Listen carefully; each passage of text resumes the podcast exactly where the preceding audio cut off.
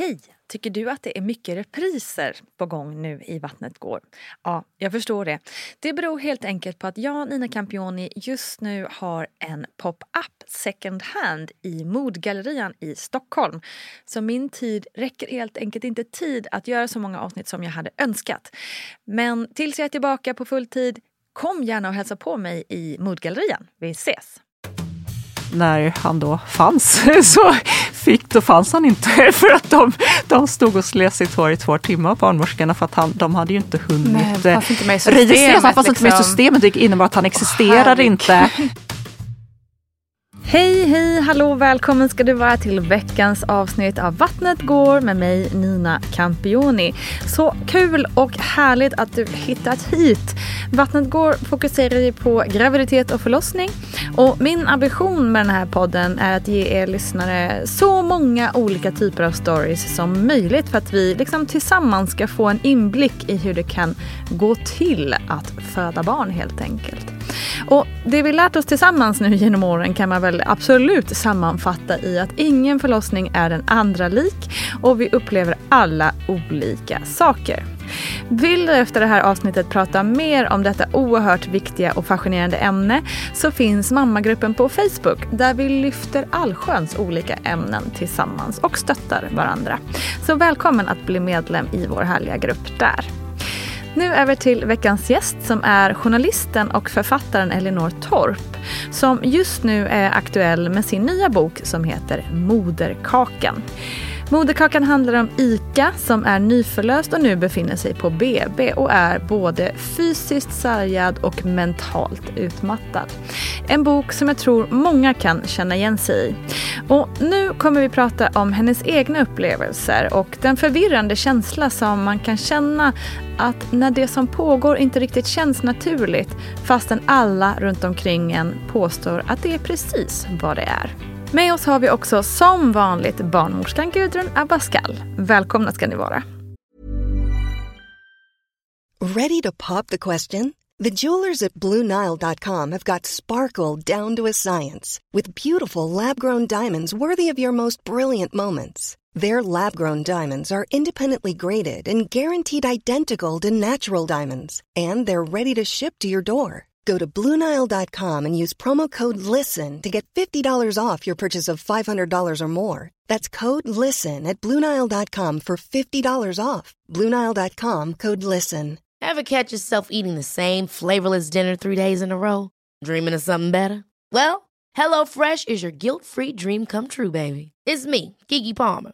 Let's wake up those taste buds with hot, juicy pecan crusted chicken or garlic butter shrimp scampi. Mm. Hello Fresh. Stop dreaming of all the delicious possibilities and dig in at HelloFresh.com. Let's get this dinner party started. Cool fact a crocodile can't stick out its tongue. Also, you can get health insurance for a month or just under a year in some states. United Healthcare short term insurance plans, underwritten by Golden Rule Insurance Company, offer flexible, budget friendly coverage for you. Learn more at uh1.com. Hey Dave, Yeah, Randy. since we founded Bombus, we've always said our socks, underwear, and t shirts are super soft. Any new ideas? Maybe sublimely soft. Or disgustingly cozy? Wait, what? I got it, Bombus. Absurdly comfortable essentials for yourself And for those facing homelessness. because one purchased equals one donated. Wow, did we just write an ad? Yes. Bombas. Big comfort for everyone. Go to bombas.com slash ACAST and use code ACAST for 20% off your first purchase. Mm, du, vad var det som fick dig att skriva en bok som heter Moderkakan? Ja, alltså det, jag tror tankarna har funnits med mig sedan jag födde mitt första barn för 11 år sedan. För att eh, alla säger att det är det mest naturliga man kan vara med om. Men för mig så var det nog det mest obegripliga jag hade varit med om och jag förstod nog ingenting faktiskt eh, efteråt. Jag var inte så mycket så upphakad vid smärtan och så i förlossningen. Utan jag var mer så här att eh, vad hände sen? Jag var liksom lite skräckfylld över det faktum att man skulle ta med det här byltet som jag kallar barnet i boken. Det var förlika sig med att det ett barn som ska följa med ja. hem. Och, och, jag ville väldigt mycket att det bara skulle vara innanför sjukhusets väggar. Så hela boken utspelas en vecka på BB liksom, med en dramatisk inledning med själva förlossningen. Då, mm. Så att mm. man lämnar aldrig sjukhuset. Och den här kvinnan i boken ville liksom inte riktigt göra det för hon var liksom lite beroende av den där röda knappen på väggen, larmknappen som gjorde att barnmorskorna kom springande och hjälpte till med amningen. För det var inte helt naturligt det heller. Man kände mm. sig ganska mycket som en mjölkkossa tycker jag. Mm. Det är nog många som känner igen sig i den känslan att man vill ta med den där röda knappen hem. Liksom. Eh, verkligen. Eh, och intressant också med en bok som, eh, ja, men som bara utspelar sig på en vecka. Det är, det är ju rätt häftigt faktiskt. Ganska intensivt eh, förlopp. Liksom. Men jag antar att det är då liksom en del i alla fall av bokens story är också någonting som du själv har upplevt. Eller?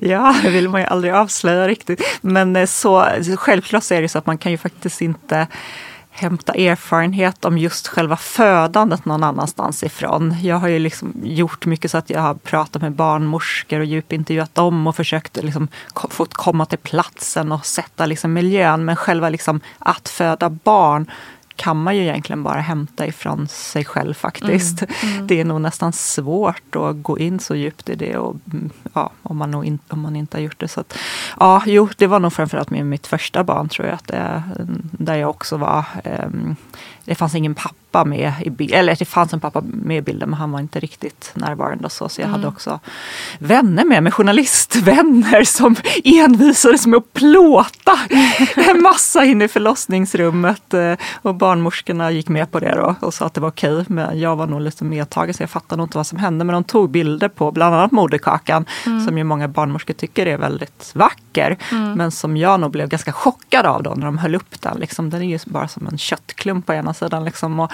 jag tyckte väl kanske just då att det inte var jättevackert och att det var ganska slabbigt och äckligt allting sådär. Så att jag, mm. eh, så att jag blev liksom lite intresserad av själva det det kroppsliga kring förlossningen, hur märkligt det är allting. Så jag vet, jag la ut då efter min första förlossning, när jag nog var i någon slags chock, eh, på Facebook ett album som hette Allt ska ut. Med moderkakor och wow. väldigt oretuscherat uh. liksom, vad, som, vad som kommer ur oss. Uh. Eh, utifrån de här bilderna som mina journalistvänner hade tagit. Liksom. Eh, och då gjorde nog att en del satte kaffet i vrångstrupen tror jag. Men det var som en så kommentar till ja, tidningen Mama och andra så här liksom, lite mer glossiga magasin där jag tyckte mm. liksom det var lite skevt på något sätt. Det var som att det poppar ut en, en så här rultig rosenkindad mm. bebis och mm. sen så sitter det en kändismamma där och alla är så lyckliga och jag känner mig inte riktigt igen med den bilden ja, helt det. enkelt. Vad, hur, hur, reagerade folk? Du säger de satte kaffet i, i fel strupe men fick du några, vad fick du för reaktioner på bilderna? Oj, det är länge sedan nu, men det var ju både och. Att det var ärligt och öppet och visade så. Men sen var det också bara oj, oj, oj, oj det där mm. kunde jag varit utan och nu kan jag inte äta min lunch och sådär. men, jag minns inte, det är jättelänge sedan. Mm. Nej, men det är spännande och det är en intressant tanke tycker jag. Um, och en bra som, liksom, samhällskommentar. Um, just att det är sällan vi um, som du säger, som du var inne på, att det eh, ska vara det mest naturliga men samtidigt eh, är vi inte alls med på att, på att se på det naturliga. Det är intressant hur vi är skapta. ja, jo men det är ju så. Alltså man fick höra hela tiden, ja, men det här är bara man hugger av det i huvudet. Det tror jag finns med i citat. Det är faktiskt ett verkligt citat från min väldigt duktiga, måste jag säga, jag hade en fantastiskt bra barnmorska på MVC.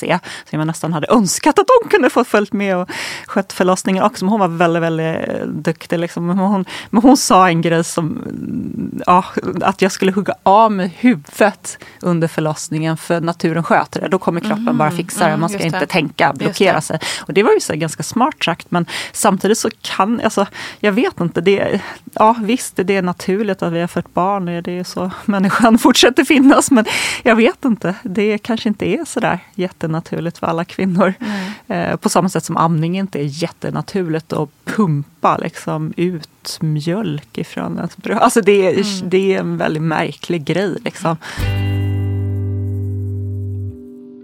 Spännande. Du ska få utveckla dina tankar mer här under, under tidens gång. Men jag tänker vi börjar med första graviditeten. Uh, hur, uh, liksom, hur mådde du under den graviditeten? Ja, nej men jag hade mest under den graviditeten hade jag mest eh, jag levde ihop med en väldigt labil pappa så jag ägnade all min tid åt honom då faktiskt. Så att jag, det var en väldigt okomplicerad graviditet. Jag fick ju visserligen foglossning, fick jag, så jag kunde inte hade lite ont. så, eh, men eh, jag tyckte inte att det var något själva graviditeten, jag mådde nog ganska bra liksom, mm. under, under den. Men, och sen fick man ju gå sådana där kurser om, som bara handlade om smärta. Man skulle sitta i en ring och det satt mammor och pappor och de skulle nypa varandra i låren för de skulle Jag tyckte allt var väldigt märkligt. Jag var lite yngre än de andra då, mammorna också. Eh, och jag vet, och de var skräckslagna för den där smärtan medan jag hade mest oro över vad hände sen just. Mm. Och det nämndes liksom aldrig, man pratade aldrig om efter den där själva förlossningen. Det hade jag önskat om man hade pratat lite, mm. lite mer om faktiskt. Mm. Hur tycker du Gudrun, fokuserar vi för mycket på smärtan inför förlossning än snarare än på kanske tiden efteråt? Ja, alltså alla kvinnor är unika när de föder sina barn. Så jag tänker så här att det här måste ju vara upp till, till var och varje enskild kvinna. Jag, som, jag skulle som personligen, kanske som barnmorska, önska att man kanske fokuserade lite mindre på själva smärtan och mera utgå från sina egna känslor kring att föda barn och, och så vidare. Mm. Vi lever ju idag i en kultur där smärta är någonting onaturligt och som vi har vant oss vid att så fort vi har ont någonstans så ska man ta bort smärtan. Mm. Och jag tror att det gör väl kanske att när man kommer till förlossningssmärtan så lägger man mycket fokus på det. Mm. Men att se helheten vore kanske bättre än bara fokusera på själva smärtan. Just det. Och sen är det väl lite så att eh, i föräldraskapsutbildningen som man ofta går igenom på MVC så, så pratar ni ju även om tiden efteråt men vi kanske inte riktigt lyssnar alltid med det örat när vi är höggravida. Nej, alltså min, min erfarenhet är väl så här, man ska raljera lite grann och så säga så här, att föda barn det kanske tar det första barnet ett eller två dygn och så sedan, sen så är det klart. Mm. Medan sedan barnet fött, då är det ju resten av livet som man ska leva med sitt mm. barn. Mm. Och då kan jag tänka, kanske vore det bättre om man fokuserade mera utifrån föräldraskapet och barnet och att bli en familj och bli mamma och, förälder mm. och så vidare än på smärtan. Men jag kan förstå med den kultur vi lever i att smärtan blir en, en stor grej. Mm. Hur var det rent liksom känslomässigt att, att uh, skaffa barn med någon som man kanske inte kunde lita på i alla lägen?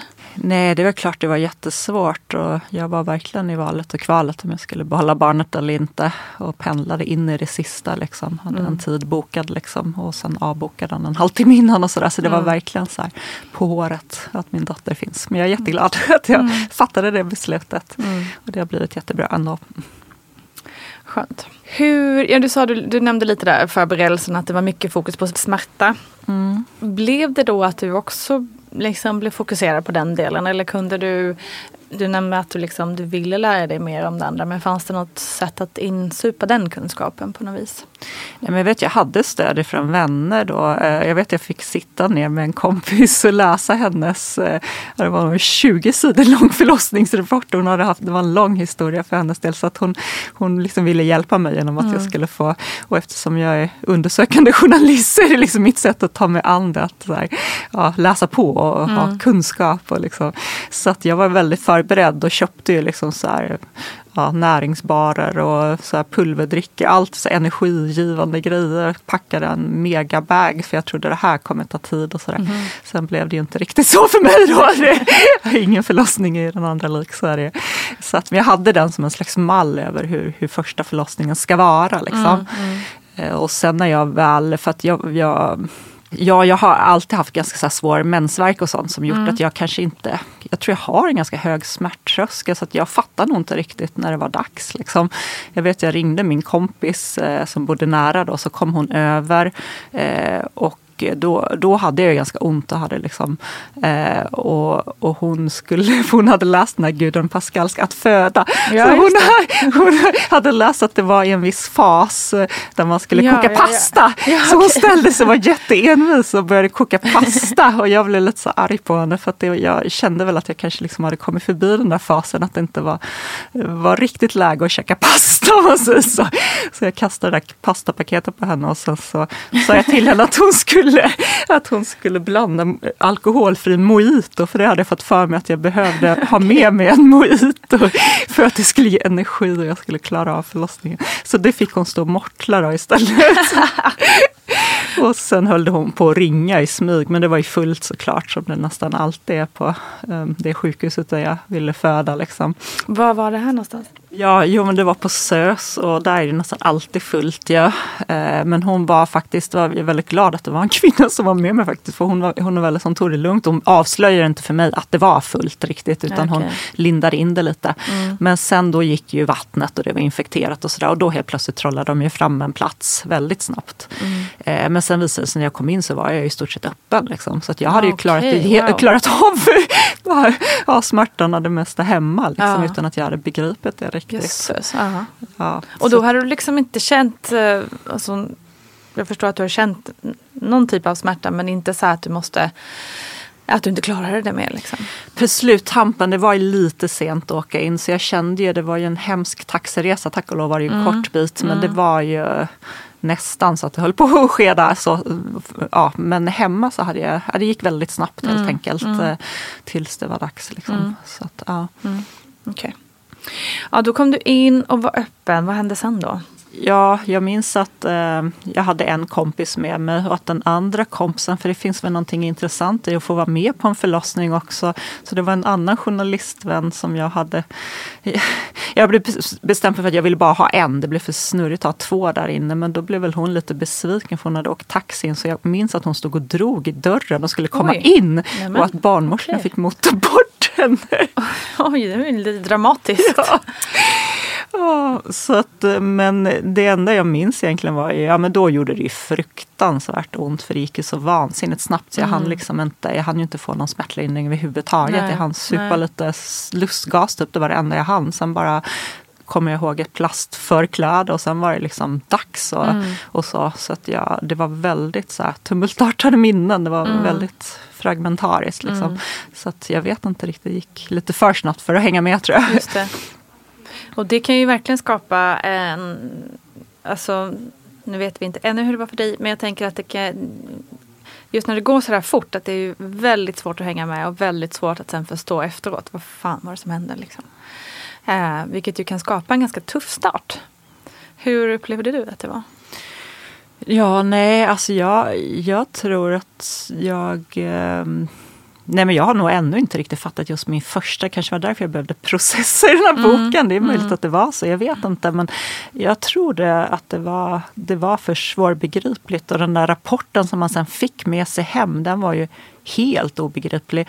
Alltså den säger ju ingenting. Jag vet, jag har med den faktiskt, eller jag har med en autentisk förlossningsrapport mm. i boken. Också för att det är liksom så raka motsatsen till det man är med om. Och det är liksom så här, det säger ingenting, lite kurvor, lite så medicinska termer som mm. ingen utanför sjukhusets väggar förstår. Liksom. Och jag har ingen minne av att någon förklarade någonting faktiskt för mig under, eller på BB liksom, eller efteråt. Så att jag fick nog aldrig riktigt någon förklaring. Eh, jag har sökt svar sen eh, långt senare faktiskt mm. på grejer där jag liksom har kopplat till min första förlossning att någonting har hänt kroppsligt. Att då har jag, men då och de närmaste åren har jag ja, men väldigt förvirrande. Mm, mm. Nej, och det tror jag, det har vi pratat många gånger om i den här podden och jag har tipsat om det många gånger så ni som lyssnar är säkert trötta på det. Men att man just eh, om man upplever att man inte får någon förklaring. Och det är ju sånt som man kanske inte fattar heller då och där. När man kanske har, ja idag kanske man bara har en natt på BB och sen ska man skjutsas hem. Men även tre månader senare eller vad det kan vara. Att man försöker prata med eh, de som var med. Och få en förklaring till rapporten eller sin journal. Så att man kan få ett grepp om vad sjutton det var som hände. Jag tror det är jätteviktigt för liksom, läkande och det mentala. Liksom.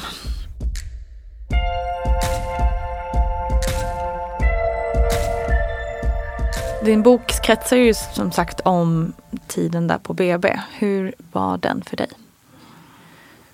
Ja, ja precis som Ica i boken då, så var jag nog ganska, jag vet inte, jag var nog inte riktigt med på vad som hände. Eller jag var ju i det där rummet men det var en väldigt besynlig tillvaro. Och liksom, ser man på det efter så är det bara så helt obegripligt att man bodde där, i det där rummet. Vad som hände egentligen och sådär. Och det, det är så konstigt att det är så det är, att det är så skyddad verkstad. Liksom, för det är liksom allas begynnelse på något sätt. Jag tycker att det borde på något sätt... Eh, jag vet inte varför egentligen det är så tyst kring, kring hur det är där. Eh, jag, jag kan tycka att det... Mm. Ja, nej jag vet inte. Jag, jag, för mig var det det var en konstig upplevelse. Jag var nog också lite sådär skygg och höll mig. Jag hade ett eget rum och sådär men ja, höll mig på rummet och inte riktigt um, vågade mig ut så mycket. Mm. Stanna kvar där så mycket som det bara gick och mm. isolera mig lite tror jag. Uh. Du nämnde innan att det kanske inte är så naturligt för alla kvinnor som ska vi säga, världen vill få oss att tro eller hur man ska säga. Hur, kan du, kan du liksom utveckla den tanken lite mer? Hur, hur menar du med det och hur upplevde du liksom förlossningen i, i det här att du säger att det inte kändes så naturligt?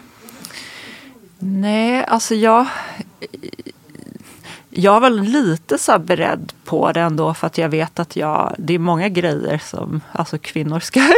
Jag, så här, alltså jag har nog aldrig riktigt så där fullt ut känt att vissa kvinnliga grejer är så naturligt. Alltså så, här, så att jag hade lite en skräck för hur ska man fixa det här och att vara mamma och amningen framför allt. Jag var liksom mm. beredd på att det skulle kunna bli problem och så. Så jag var lite förberedd på det. Men samtidigt fick man hela, hela tiden höra av sin omgivning och av barnmorskorna på MVC att det är så himla naturligt. Mm. Och man fick lä läsa om att det var så naturligt. Och man, ja, men kroppen är liksom, kvinnokroppen är gjord för det här mm. och amningen sätter igång om man bara slappnar av. Och det är liksom allting. Det, det var så eh, ja, men att allt är så självklart. Ja, men mm. Att det är det typ det mest naturliga mm. man gör i livet. Eh, och det tycker inte riktigt jag och jag tror väl kanske att det är fler som känner så. Mm. Att det, och det har väl lite att göra med liksom kvinnor lever ju inte liksom så, jag menar vi, vi är ju rationella varelser också. Vi jobbar och vi gör saker som är så väsensskilt från den här upplevelsen. Mm. Det finns ingenting som är likt den här upplevelsen.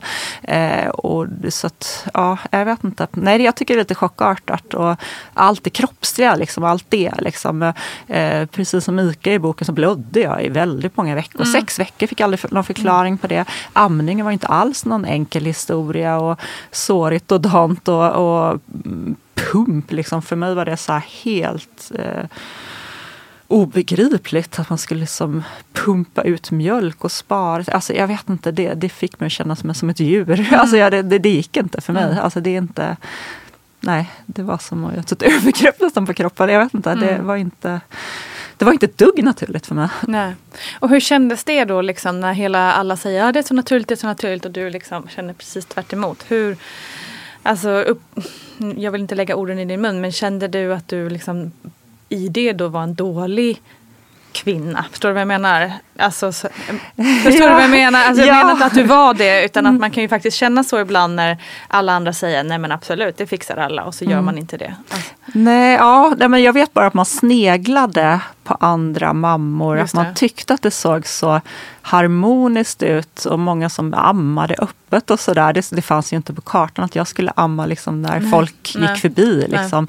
Det, eh, men jag tyckte när jag såg andra att det såg så himla enkelt ut. Och det, medans eh, det, jag kände inte så. Jag tyckte bara att det var ah, en kamp. Liksom. Mm. Eh, samtidigt som Ja, men kanske andra saker som jag ändå tyckte var men just, just det där, den kroppsliga biten, mm. det där som skulle, den hade jag svårast för. Allt det där som man kom att bli när man hade fått barn. Liksom, att mm. man satt ihop med sitt barn på ett väldigt, man blev väldigt orörlig och man satt fast, man var fastkedjad. Man eh, fick liksom lite panikkänsla när man skulle amma, eller man fick amma väldigt länge eftersom det tog sån himla tid att få till det och sådär så mm. blev man ju så himla...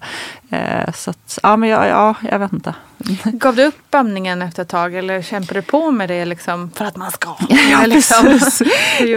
Nej, men jag har ju hört att den där första råmjölken den var så himla viktig. Så jag tänkte de tre, jag måste klara de tre första månaderna liksom, och få i sig de där näringsdropparna. Då där. Men jag började kom komplettera med mjölkersättning mm. och så, så jag körde dubbelt. Så kanske ja, men några månader ammade jag, men inte, inte jättemånga månader. Eh, utan det blev mjölkersättning sen.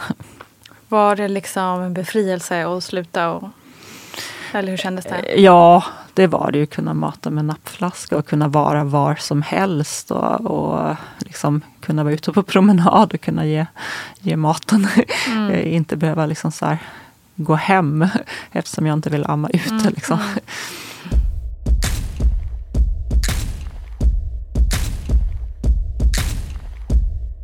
När tiden hade gått lite, liksom, när man är över de där första vad ska man säga, såriga veckorna.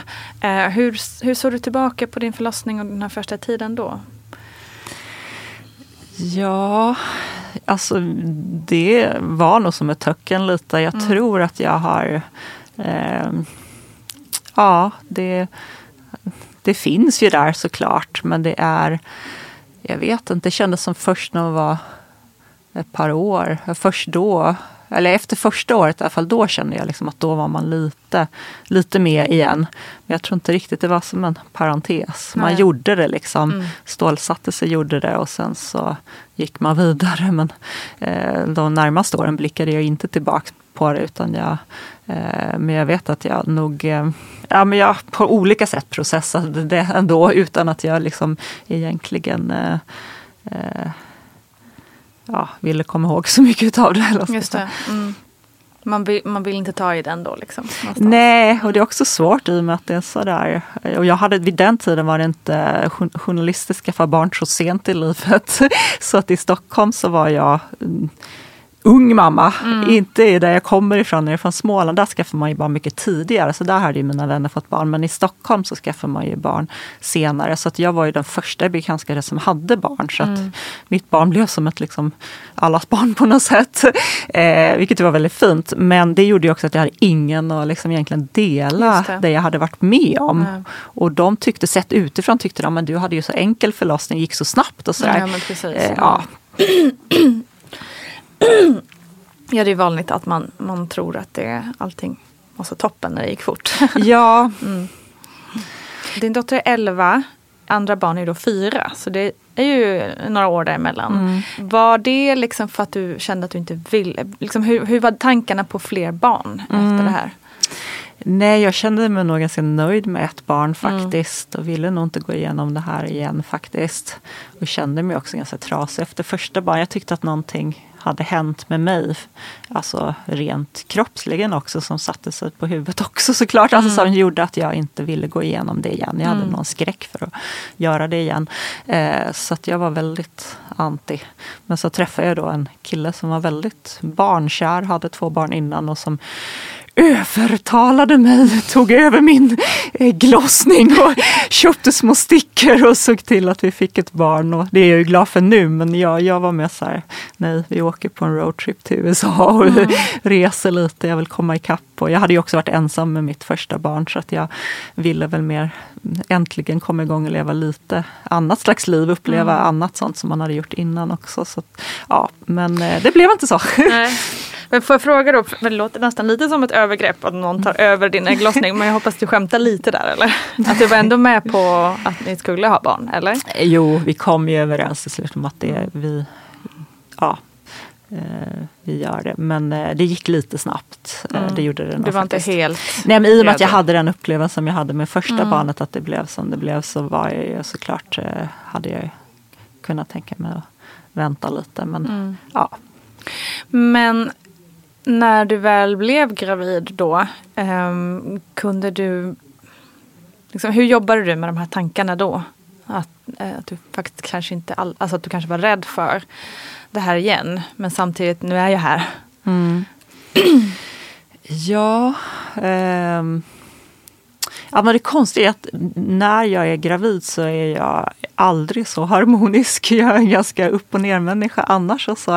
Eh, men när jag är gravid så är det, man får ju så hjälphormoner som man skulle behöva efter förlossningar också. Mm. Och alltid kanske.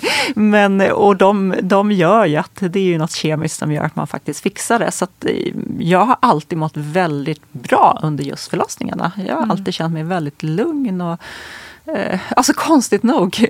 Eh, utan det, det blir, kommer alltid precis efter mm. förlossningen, mm. den här andra liksom, och, eh, känslan av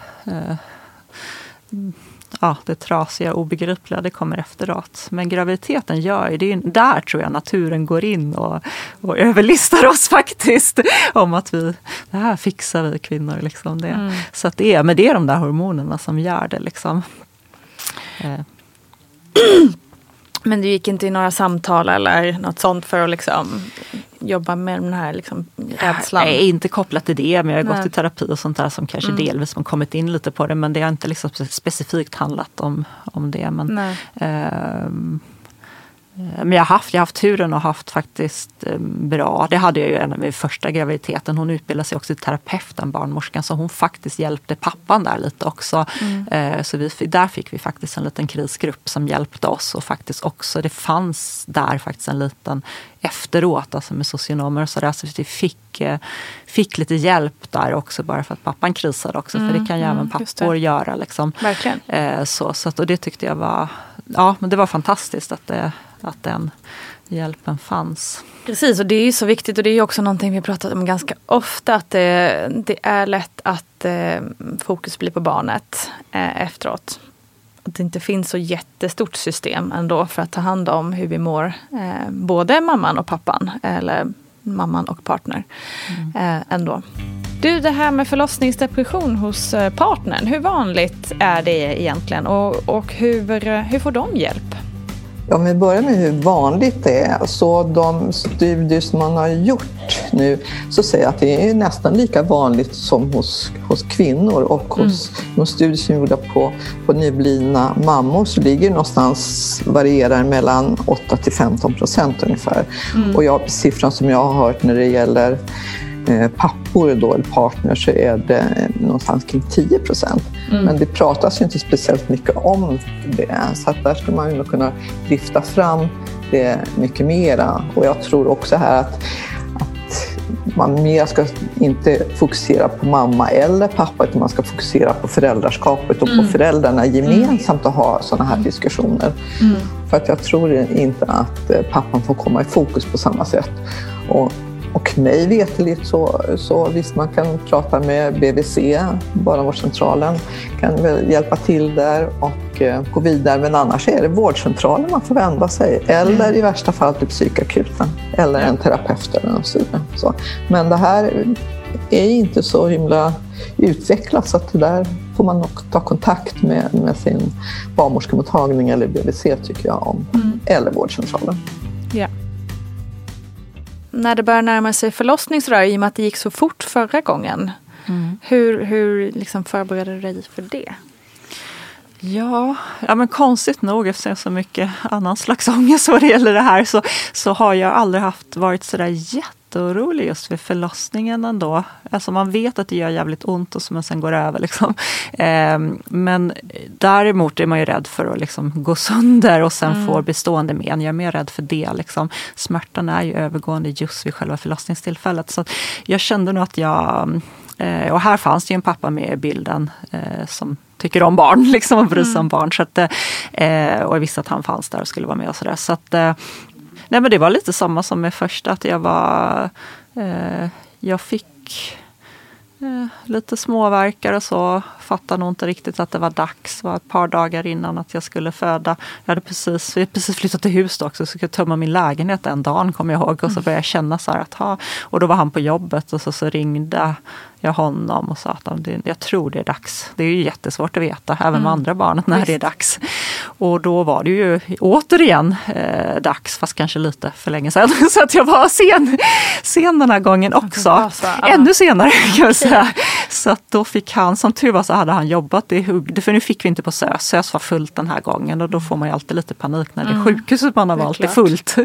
eh, och då blev det Huddinge den här gången. Och, men som tur var hade han jobbat i Huddinge i många år så han visste en genväg eh, dit. Så han, eh, han körde dit men förstod nog inte riktigt att jag var så öppen som jag var. Eh, och då fick jag extremt ont i hans bil och höll ju på att föda liksom, i Okej, bilen. Då. så pass. Ja, och sen, men då kom det, det var väldigt lite folk faktiskt på förlossningen den gången. Eh, Så det var, det, jag minns bara att det kom två barnmorskor och mötte upp mig i dörren och han skulle parkera bilen. Och sen så gick jag upp och så födde jag. Så att de hann inte ens skriva in honom. Så att eh, problem, pappan var och parkerade bilen så han var inte med. Åh, han hann inte vara med. Eh, och sen så skulle de, när han då fanns, så fick, då fanns han inte. För att de, de stod och slet sitt hår i två timmar, barnmorskorna, för att han, de hade ju inte hunnit Nej, det eh, Han fanns inte med i liksom. systemet, vilket innebar att han existerar herregud. inte. Ja, så de hade jätteproblem med data, i journalen, Ah. få, få, få, ja, få honom att finnas helt enkelt. Ah, shit. Vilken story. Men hur var det liksom? Ja, nu var du inte särskilt rädd för just smärtan men nu gick det ju så här fort igen. Hur, liksom, hängde, hur hängde du med den här gången mentalt? Nej, det gjorde jag inte den här gången Nej. då heller eftersom det gick ju så snabbt. Men fick du någon ändå liksom flashbacks till alltså, skedet? Liksom? Var det något du kände igen från förgången och sådär? Eller du hann inte ens tänka så? Nej, Nej. den här gången var det bara... Jag vet, jag blödde lite så här konstigt innan. Då blev jag lite så här, då har man ju tänka så här, ah, men nu är det något som är fel och sådär. Men det, eh, nej, det var ju bara att man är jäkligt bråttom. Och sen kanske, jag vet inte, de säger att man är väldigt eh, lång, liksom att det är det går snabbare. Då. Jag vet inte om det stämmer att man Nej, har det en förlossningskanal som gör Det att det, man fråga. rutschar ut snabbare. Som en, jag vet inte, att bäckenet är längre. Alltså jag vet inte. Att det skulle vara lite, ja jag vet inte, det kan du höra med Det ska jag experterna. kolla, verkligen. Kan längden på kvinnan påverka förlossningsskeendet? Ja, om vi ska gå eh, bara rent allmänt så kan man väl säga så att vi som jobbar inom professionen, vi tänker nog så här om jag ser en lång kvinna och vi ser det så tänker vi så här, men hon har ett bra, också ett stort bäcken, alltså att längden är relaterad till storleken på bäcken. Och då tänker man också att ja, men då är det nog lättare för barnet att tränga ner genom förlossningskanalen. Sen när man har tittat med röntgen och så vidare så, så kan man säga att bäckenets storlek det börjar påverkas någonstans när man är kanske 100, under 155-150 cm lång, att då kan bäckenet bli mindre och ställa till att det blir lite trängre för barnet att passera ner. Men utifrån personligen min erfarenhet så är det nog så att jag per automatik, bra eller dåligt, ser en lång kvinna som inte är överviktig så tänker jag hon kommer att föda A lot can happen in the next three years. Like a chatbot may be your new best friend. But what won't change? Needing health insurance. United Healthcare Tri Term Medical Plans are available for these changing times. Underwritten by Golden Rule Insurance Company, they offer budget friendly, flexible coverage for people who are in between jobs or missed open enrollment. The plans last nearly three years in some states, with access to a nationwide network of doctors and hospitals. So, for whatever tomorrow brings, United Healthcare Tri Term Medical Plans may be for you. Learn more at uh1.com. A lot can happen in three years, like a chatbot may be your new best friend. But what won't change? Needing health insurance. United Healthcare Tri Term Medical Plans, underwritten by Golden Rule Insurance Company, offer flexible, budget friendly coverage that lasts nearly three years in some states. Learn more at uh1.com. I'm Sandra, and I'm just the professional your small business was looking for. But you didn't hire me because you didn't use LinkedIn jobs. LinkedIn has professionals you can't find anywhere else, including those who aren't actively looking for a new job but might be open to the perfect role, like me. In a given month, over 70% of LinkedIn users don't visit other leading job sites. So if you're not looking on LinkedIn, you'll miss out on great candidates like Sandra. Start hiring professionals like a professional. Post your free job on linkedin.com/people today. Quality sleep is essential. That's why the Sleep Number Smart Bed is designed for your ever evolving sleep needs. Need a bed that's firmer or softer on either side? Helps you sleep at a comfortable temperature? Sleep Number Smart Beds let you individualize your comfort so you sleep better together. JD Power ranks Sleep Number number 1 in customer satisfaction with mattresses purchased in-store. And now, save 50% on the Sleep Number limited edition Smart Bed for a limited time. For JD Power 2023 award information, visit jdpower.com/awards. Only at a Sleep Number store or sleepnumber.com. Since 2013, Bombas has donated over 100 million socks, underwear, and t shirts to those facing homelessness. If we counted those on air, this ad would last over 1,157 days. But if we counted the time it takes to make a donation possible, it would take just a few clicks. Because every time you make a purchase, Bombas donates an item to someone who needs it. Go to bombas.com slash ACAST and use code ACAST for 20% off your first purchase. That's bombas.com slash ACAST, code ACAST. Barn, det här blir bra. Så. Och det står jag för. Det är bra. Men då undrar man ju, hur mådde du efter den här förlossningen? Din andra förlossning? Ja, eh, det tyckte jag väl kanske var lite enklare med andra barnet. Dels för att vi var ju två där hemma. När man kommer hem och är helt ensam så. Eller jag var ju inte helt ensam i början men jag blev ju helt ensam i någon månad. Alltså så här, då Mm. var man ändå, här var vi ändå två som kunde varva och, och så. Så att man fick sova lite mer faktiskt. Så Mm. det, det var ändå ehm, Ja, men jag kände mig ändå lite helare efter eh, andra barnet Mm. än efter första. Mm. Som bara var helt... Då, ja, det kändes som man bara läckte överallt på något sätt. Man Mm. kände sig bara äcklig. Mm. Tyckte jag. Efter Mm. andra var man mer... Ja, men jag kände mig helare efter Mm. andra faktiskt. Och då var jag också lite mognar lite mer så att jag också kunde ställa frågor. Jag vet jag gick- till någon barnmorska och ställde lite frågor. Vad var det som hände? Hon gick faktiskt och tittade tillbaka då i Mm. förlossningsjournalen för Mm. att se liksom också lite invändigt om det kan ha hänt någonting. Liksom sådär. Eh, och så remittera och så liksom för att titta igenom eh, ja, men lite också. Räta ut lite frågetecken om man säger så. Det. Och det hade jag ingen tanke på att man kunde göra efter första barnet. Även om jag önskar att jag hade gjort det efter första. Mm. Hur mycket tror du, eh, just eftersom man kan jämföra två förlossningar där då, ehm, hur mycket tror du påverkade att du i andra förlossningen ändå hade en lite mer stabilare hemmiljö? Som du nämnde, ni var två om det, ni hade liksom gjort det här med tillsammans kanske, mer som ett team.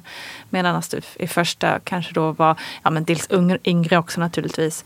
Ehm, men att det liksom, jag menar, det jag menar är liksom hur mycket det här runt omkring påverkar. Jag tror det påverkar väldigt mycket faktiskt. Mm. Eh, extremt mycket. Mm. Plus att det ju påverkar vad man har med sig från alltså, ja, barndomen också faktiskt. Uppväxten där. Och liksom, Mm. alltså, jag tror allting spelar ju roll. Men absolut spelar ju miljön där man är just vid tillfället Mm. roll. Och vilket support man har Mm. från familj och vänner och ja, de närmaste. Eh, och att man känner, för det är ju någonting skräckfyllt även för de som är par. Liksom, Mm. Att ta med sig, jag vet den här, så är det med karaktären i boken också. Hon är väldigt mycket så här på rummet, iaktta liksom hur andra så här, eh, hur de samtalar där ute i korridoren och liksom något par som bara, men shit, de går där med bilbarnstolet med deras lilla bylte där i. Ja, men gud, det känns ju som vi stjäl. Liksom, ska vi verkligen, får vi verkligen ta med oss det här livet hem och sådär? Det är ju märkligt att man kommer hem med ett, ett nytt liv som man ska ta hand om resten av livet. Alltså det, alltså det, det är ju en det är någonting Ja, även för par så är det ju svårt. Ja, ja, liksom. visst. Men är man då ensamstående så kan man ju tänka sig att man blir ännu mer besatt av den där röda knappen för att Mm. komma hem och det Mm. finns ingen där. Mm. Eh, utan man är helt ensam. Och, ja, vad händer om man själv kollapsar? Liksom? Vad händer med barnet då? Liksom? Mm. Och, ja. Verkligen. Och det stora, som du säger, lite, det är ju liksom lite filosofiska frågor eh, i det där. Liksom. Få vi ta hem det här barnet? Är det verkligen, ska jag nu ta hand om det här? Det är jag som har skapat det. Liksom. Ja, det är stora frågor man Ja, ställs och det inför. där är så märkligt för jag har många vänner som har adopterat och de, Mm. jag vet ju vad de har fått gå igenom i år. Liksom, de får svara på frågor, gå till psykologer, de prövas verkligen så här Mm. Jättemycket som föräldrar. Medan vi som föder barn så här ja, naturligt som det heter, vi har ingen som helst skola i och, Nej. och prövas inte på något sätt. Nej, verkligen. Så är det. Vi ifrågasätts inte på något sätt om vår lämplighet. Nej, det är också en intressant diskussion. Verkligen. Men eh, hur gjorde du med amning den här gången förresten? Ja, jag ammade nog också sådär. Jag helammade kanske tre, fyra månader och sen så delammade kanske sex, sju månader max. Mm. Sen så den här gången så var det faktiskt, för det hade jag ändå sagt till den här pappan nu då att eh, ska vi ha barn så kommer du får ta stort ansvar. Vi, vi får dela på liksom föräldraledigheten. Och jag har liksom haft barn ensam i åtta år här och det har slitit enormt. Liksom. Mm. Jag, jag, kommer behöva det, att vi delar mm. rakt upp och ner. Liksom. Mm. Så vi delar, liksom, eh, så jag var ledig bara kanske fyra fyra, fem månader, fyra, fem, sex månader, jag kommer inte ihåg, ja, mm. från jobbet. Sen mm. började jag jobba eh, och han var ledig redan från sex månader. Mm. Och sen så gick jag på igen och sen så gick han, nej han var ett helt år faktiskt. Okay. Och sen mm. gick jag på när han var lite äldre. Mm. Så då fick jag, och det tycker jag är mycket lättare. Jag har alltid sådär, kanske så som pappor ofta upplever att eh, efter de ett år, då kommer man in i bilden och känner verkligen, då är man först med och tycker det är jättekul. Liksom. Och så har jag nog alltid tyckt att det är, jag tycker det är mycket lättare med barn som är lite äldre. Alltså, mm. eh, faktiskt. Mm. Låter som en sjukt bra uppdelning ändå att verkligen sätta det innan, innan barnet har kommit. Att nu är det 50-50. Liksom. Det är så här det ska vara. Som, och det är bra tror jag att diskutera det med varandra innan man börjar mm. ens planera att skaffa barn. ja. Så man inte står där när man har kommit hem med, med byltet. Ja. och ska hamna i den diskussionen då.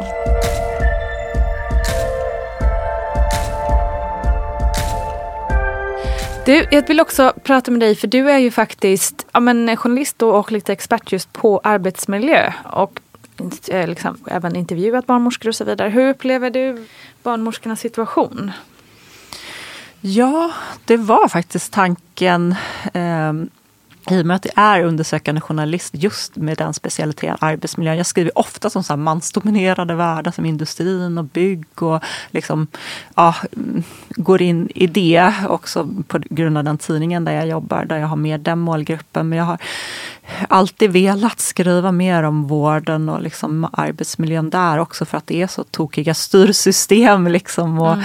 eh, ja, jag tycker liksom ekonomin har, styr, har ju fått styra allt mer under senare decennier på sjukhus. Jag tycker inte att man alla gånger liksom får utföra sin profession ostört eller vad man ska säga. Mm. Eh, och då så var väl kanske tanken från början att jag ja, men jag började faktiskt med djupintervjua barnmorskor eh, mm. som hade jobbat i många, många, många år på förlossningar eh, runt om i landet.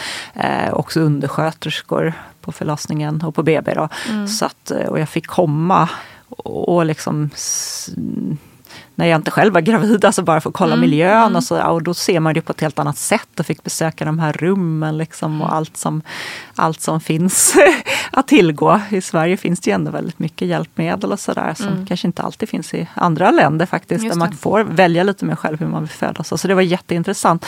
Eh, men jag pratade också med dem då väldigt mycket om deras förutsättningar att göra ett bra jobb liksom och deras förutsättningar att finnas för kvinnorna framför allt och inte bara för barnen mm. utan också för kvinnorna. Och mm. den har ju ja, det har ju varit väldigt stressigt för dem att man inte riktigt vill finnas för en kvinna i taget utan man måste rusa omkring mellan mm. rummen mm. och hit och dit och liksom och också så här, jag är så intresserad av kemikalier och sånt där också i miljön, har skrivit mycket om det. Liksom, och då tänker liksom bara det faktum att lustgas faktiskt ju är skadligt om man jobbar i det under väldigt lång tid. Mm. Liksom, att andas mm. in lustgas kan ju liksom minska fertiliteten hos barnmorskor. Okay.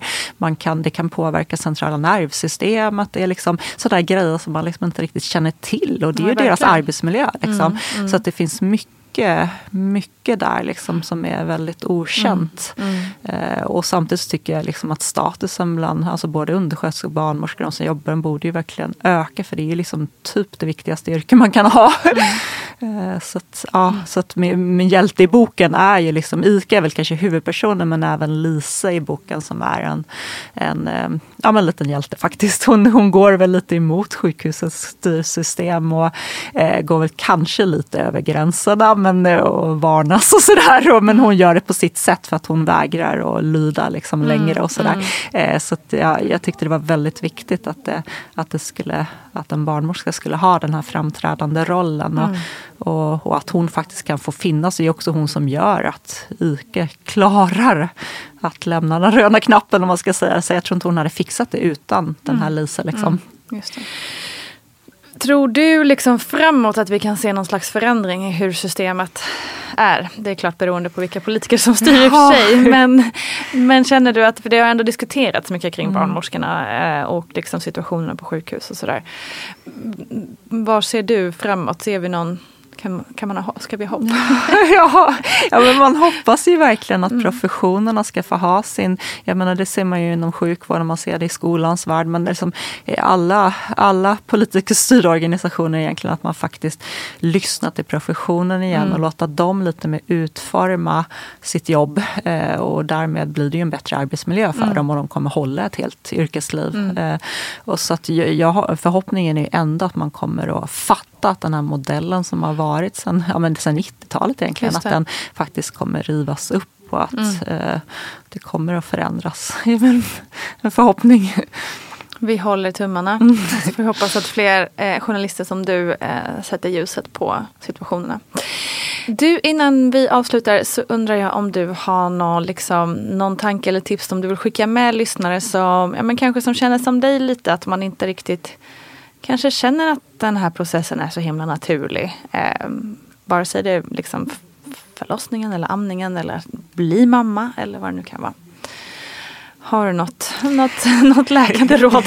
ja, ja nej, men när det gäller um, eh, just, alltså, för jag har nog mm, tänkt så här, jag, jag har, har haft kvinnor, ofta li, lite äldre kvinnor också som jag har umgicks med efter mitt första barn, där som jag också har liksom valt att titta på dem istället som kanske inte har varit så här urtypen av moden. Nej, men så, så jag har haft som förebild att det, man, man behöver inte vara som som det sägs att man ska vara om man säger så. Utan man kan faktiskt, och när man landar i det och känner att jag kan göra det på mitt sätt. Om amningen inte funkar så kan jag ge ersättning. Det viktigaste är ju ändå att barnen får en trygghet liksom och får, ja men anknytningen är mycket, mycket viktigare Verkligen. än amningen. Verkligen. Om man säger så. Och då ska man inte hålla på liksom och tvinga, eh, för det blir bara dåligt. Liksom, utan gör, göra det på sitt sätt. Och det finns så många olika sätt som är rätt. Och jag kan tycka ibland att kvinnor kan vara lite väl dömande mot varandra också. Att man ska vara på det här, det här är Mm. rätt sätt att få barn på. Men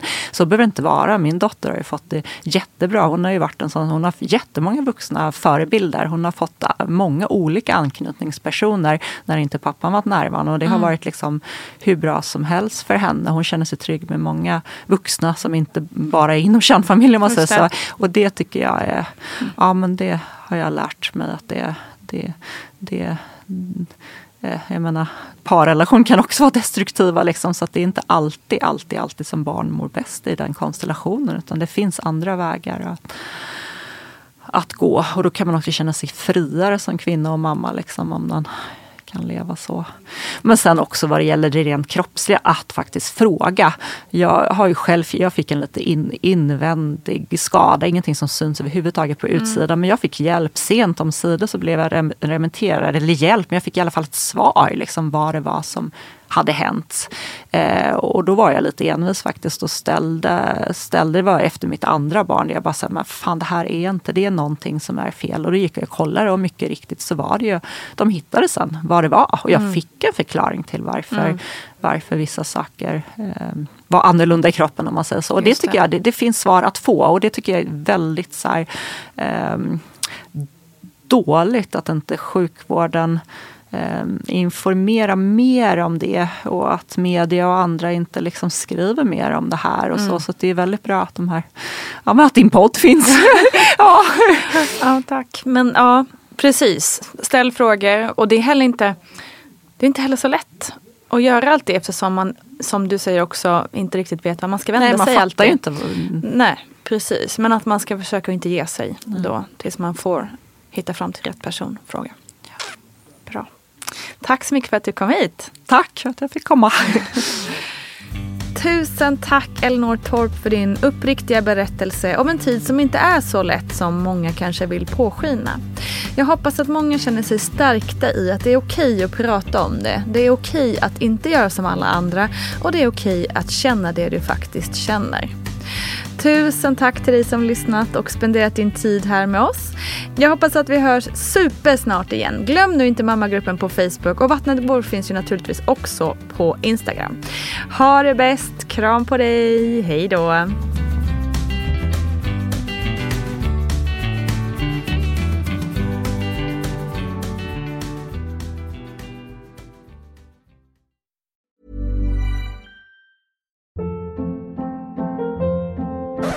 Up. What was that? Boring. No flavor. That was as bad as those leftovers you ate all week. Kiki Palmer here, and it's time to say hello to something fresh and guilt-free. Hello Fresh. Jazz up dinner with pecan-crusted chicken or garlic butter shrimp scampi. Now that's music to my mouth. Hello Fresh. Let's get this dinner party started. Discover all the delicious possibilities at hellofresh.com. Hi, I'm Daniel, founder of Pretty Litter. Did you know cats tend to hide symptoms of sickness and pain? I learned this the hard way after losing my cat, Gingy. So I created Pretty Litter, a health monitoring litter that helps detect early signs of illness by changing colors, saving you money and potentially your cat's life. Pretty Litter is veterinarian developed, and it's the easiest way to keep tabs on your fur baby's health right at home. Go to prettylitter.com and use code ACAST for 20% off your first order and a free cat toy. Terms and conditions apply. See site for details. Imagine the softest sheets you've ever felt. Now imagine them getting even softer over time. That's what you'll feel with Bowl and Branch's organic cotton sheets. In a recent customer survey, 96% replied that Bowl and Branch sheets get softer with every wash. Start getting your best night's sleep in these sheets that get softer and softer for years to come. Try their sheets with a 30-night guarantee. Plus, get 15% off your first order at bowlandbranch.com. Code BUTTERY. Exclusions apply. See site for details. Planning for your next trip? Elevate your travel style with Quince. Quince has all the jet setting essentials you'll want for your next getaway, like European linen, premium luggage options, buttery soft Italian leather bags, and so much more. And is all priced at 50 to 80% less than similar brands. Plus, Quince only works with factories that use safe and ethical manufacturing practices. Pack your bags with high-quality essentials you'll be wearing for vacations to come with Quince. Go to quince.com/pack for free shipping and 365-day returns.